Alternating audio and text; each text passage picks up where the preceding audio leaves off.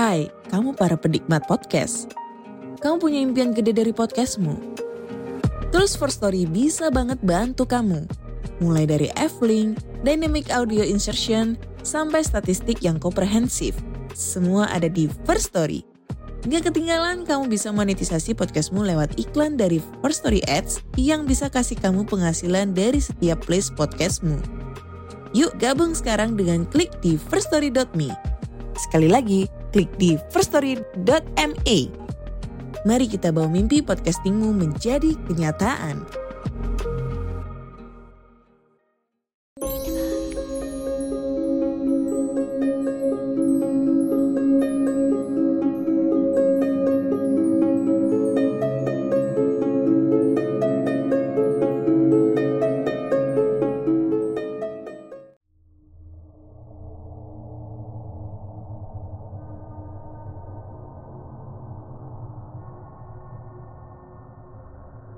Selamat datang dan selamat malam. Kembali lagi Denny narator dari Rumah Horor Indonesia menjumpai kalian. Semoga kalian semua ada dalam keadaan yang sehat dan berbahagia. Pada malam hari ini saya akan membacakan beberapa urban legend dari Indramayu. Inilah dia Urban Legend Indramayu. Cerita ini merupakan kisah nyata yang pernah terjadi di suatu daerah di Indramayu. Konon katanya, kejadian-kejadian nyata yang tidak masuk akal tersebut kerap kali dialami oleh warga. Menurut mitos yang berkembang di sana, makhluk tersebut kerap kali menampakkan sosoknya. Dan apabila makhluk tersebut menampakkan diri, maka kesialan akan menimpa orang yang melihatnya. Yang pertama adalah setan daska. Setan daska atau hantu tanpa kepala. Rumor kemunculannya terjadi sekitar tahun 90-an. Hantu yang tidak memiliki kepala ini kerap kali muncul untuk menakut-nakuti penduduk desa. Kemunculannya tidak disangka-sangka. Biasanya lebih sering menampakkan diri kepada orang-orang yang tengah kemalaman di jalan. Setan Daska berpenampilan cukup rapi dengan jubahnya yang panjang melambai tertiup angin. Setan ini datangnya dari arah yang berlawanan, atau tepatnya dari belakang. Dia menampakkan diri seolah sedang tersesat kemudian bertanya pada warga dari arah belakang. Sehingga mereka yang dicupai tidak menyadari bahwa yang bertanya adalah setan Daska. Seperti yang pernah dialami oleh salah seorang penjual mie ayam, sebut saja namanya Husen. Menurut penuturan Mang Husen, dia ketemu langsung dengan setan Daska ketika dalam perjalanan pulang setelah berjualan di acara pernikahan. Saat itu dia dikejutkan oleh suara seorang yang memanggil-manggilnya. Mang, tunggu Mang. Saya mau beli mie. Tidak begitu jelas sosok yang memanggilnya, sebab jarak di antara mereka cukup jauh. Lumayan, rezeki emang tidak ke mana. Laris manis Tanjung Kimpul. Jualan laris, duit ngumpul. Mang Husen fokus menyiapkan mie ayam untuk pembelinya.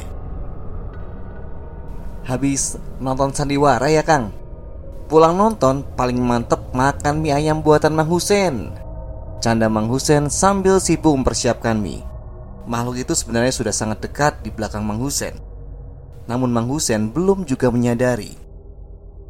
Beberapa saat kemudian Ini Kang, minyak udah. Nafas Mang Husen terasa tercekat di tenggorokan.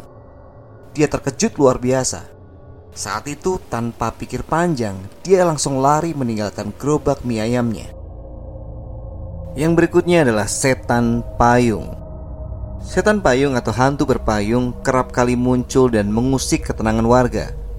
Hantu ini muncul sebagai sosok ibu-ibu yang berpayung hitam. Serta pakaian serba hitam dan sedikit kain batik yang membalut bagian bawah tubuhnya. Konon katanya hantu ini muncul pada musim penghujan Hantu ini kerap kali mendatangi rumah-rumah penduduk.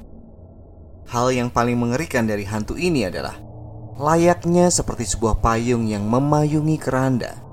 Dan orang-orang yang dipayungi oleh setan payung ini dalam waktu dekat dia akan mengalami kematian. Kemunculan makhluk ini seolah memberikan sinyal bahwa kematian sudah dekat di hadapannya. Dan pada akhirnya dia akan dipayungi menuju tempat persemayamannya yang terakhir, yaitu liang lahat. Yang ketiga adalah setan tapih liris.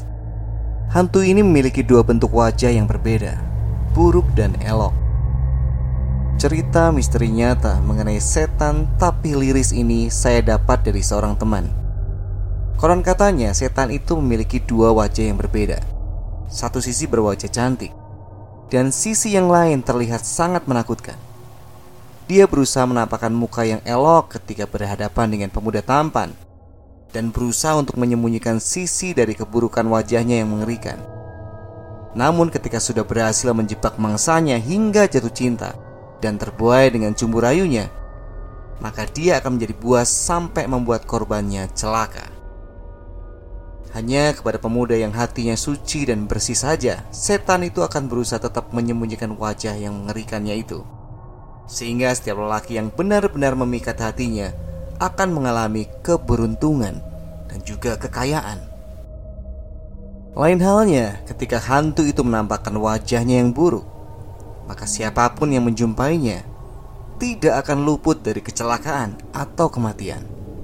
Hal ini terjadi ketika hantu ini mengalami patah hati. Dan sosok hantu terakhir yang akan kita bahas pada malam hari ini adalah katil terbang. Cerita misteri nyata ini terjadi sekitar tahun 90-an.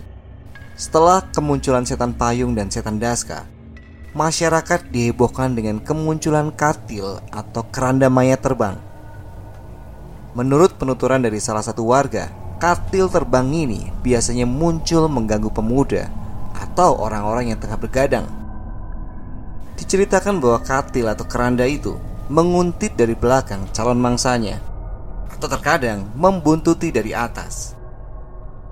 Menurut kabar yang berkembang di masyarakat, ketika suasana sepi, maka secara mengejutkan, katil terbang itu menghadang mangsanya. Perlahan-lahan katil itu terbuka, dan korban secara ajaib tahu-tahu sudah berada di dalam katil tersebut, kemudian dibawa terbang entah ke mana.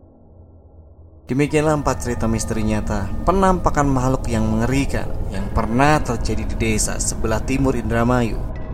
Konon katanya makhluk-makhluk mengerikan tersebut muncul sebagai akibat dari penjelmaan seseorang yang berusaha mencari harta dengan jalan pesugihan.